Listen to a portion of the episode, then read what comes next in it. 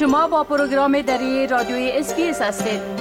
گزارشات عالی را در sbs.com.au دری پیدا کنید. شنونده های عزیز مسابقات جام جهانی فوتبال اینک به مرحله بسیار حساس و سرنوشت سازش نزدیک میشه همکار ما سامنوری درباره مسابقات اخیر گزارش تهیه کرده که او را با ما و شما شریک می سازن. آقای انوری سلام عرض می کنم خب در مسابقات دیروز هم مثل اکثر روزهای دیگه حوادث رخ داد که یک مقدار شور و غوغا را باعث شد بله؟ با سلام به شما و شنوندگان عزیز. بله همانطوری که شما اشاره کردید دیروز حضور یک معترض با پرچم رنگین کمانی در وسط میدان در جریان بازی یوروگوای و پرتغال. جدیدترین حاشیه جام جهانی فوتبال در قطر. بود در این بازی یک مرد با پرچم رنگین کمان که نشان همجنسگرایان و سایر دیگر باشان جنسی یا همو LGBTQ می باشه و تیشرتی که در او شعارهای به حمایت از اوکراین و زنان ایرانی نوشته شده بود به وسط میدان دوید و باعث شد بازی برای مدت پنج دقیقه متوقف شود. در پیش روی تیشرتی که این مرد معترض پوشیده بود شعار اوکراین را نجات دهید و در پشت سرش هم شعار احترام برای زنان ایرانی نوشته شده بود. این مرد در نیمه دوم بازی گروه H بین یوروگوای و پرتغال که بامداد امروز سهشنبه در ورزشگاه لوسایل برگزار شده بود به وسط میدان آمد و سپس که ماموران امنیتی به دنبالش دویدن پرچم رنگین کمانش هم از دستش افتاد. ماموران امنیتی بعدش او را دستگیر و از ورزشگاه خارج کردند و داور مسابقه پرچم را از زمین برداشت و روی خط کناری میدان قرار داد.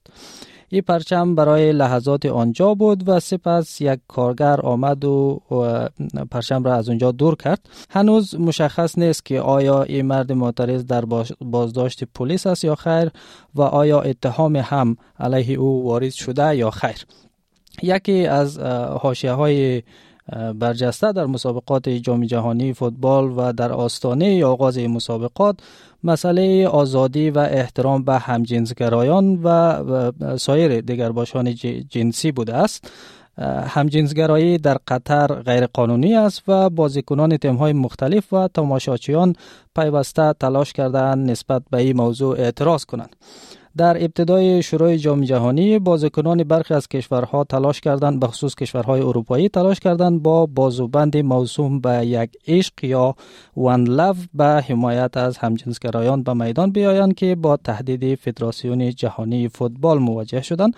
همچنین شماری از تماشاچیان هم شکایت کرده که به آنها اجازه داده نشده اشیای رنگین کمانی را با خود به داخل استادیوم بیارند.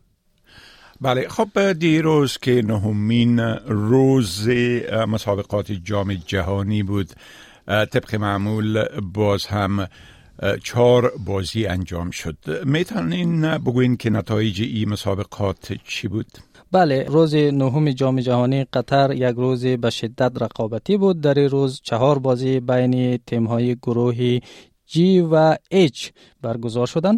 از گروه جی کامرون به مساف سربستان رفت که سه بر سه مسا... نتیجه مساوی شد و هر دو جانب توانستند که نخستین امتیاز خود را در مسابقات جام جهانی 2022 کسب کنند.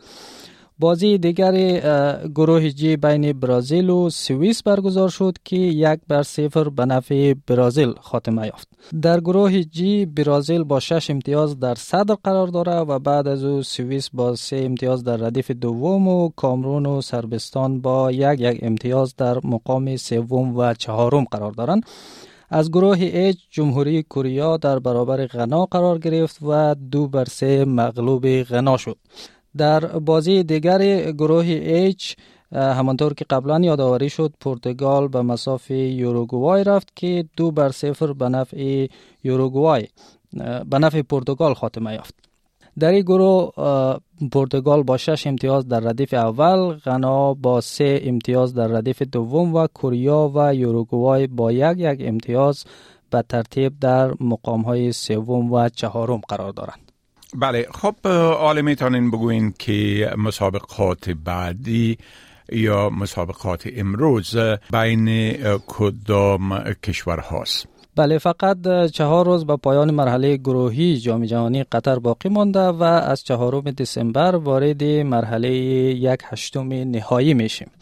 در روز دهم جام جهانی قطر اکوادور با سنگال هالند با قطر ایران با آمریکا و ویلز با انگلیس بازی خواهد کردند روز بعدش هم تونس مقابل فرانسه استرالیا مقابل دانمارک عربستان سعودی مقابل مکسیکو و لهستان یا پولند مقابل آرژانتین قرار می گیرند از جمله از این جمله بازی ایران مقابل آمریکا که تا اکنون با حاشیه های هم به همراه بوده ممکن است برای برخی شنوندگان ما اهمیت خاصی داشته باشد. رویارویی تیم های دو کشور همواره زیر سایه دشمنی های سیاسی تهران و واشنگتن قرار داشته و این بار هم به خصوص بعد از اینکه فدراسیون فوتبال آمریکا تصمیم به حذف نشان جمهوری اسلامی از پرچم ایران گرفت بسیار حساس شده.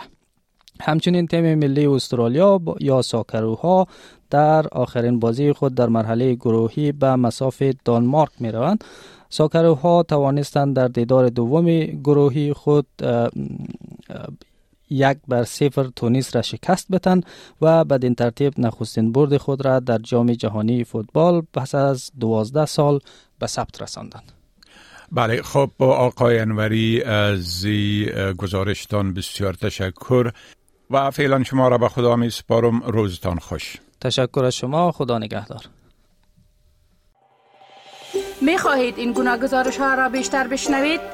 به این گزارشات از طریق Apple Podcast، Google Podcast، Spotify و یا هر جایی که پادکاستتان را می گیرید گوش دهید.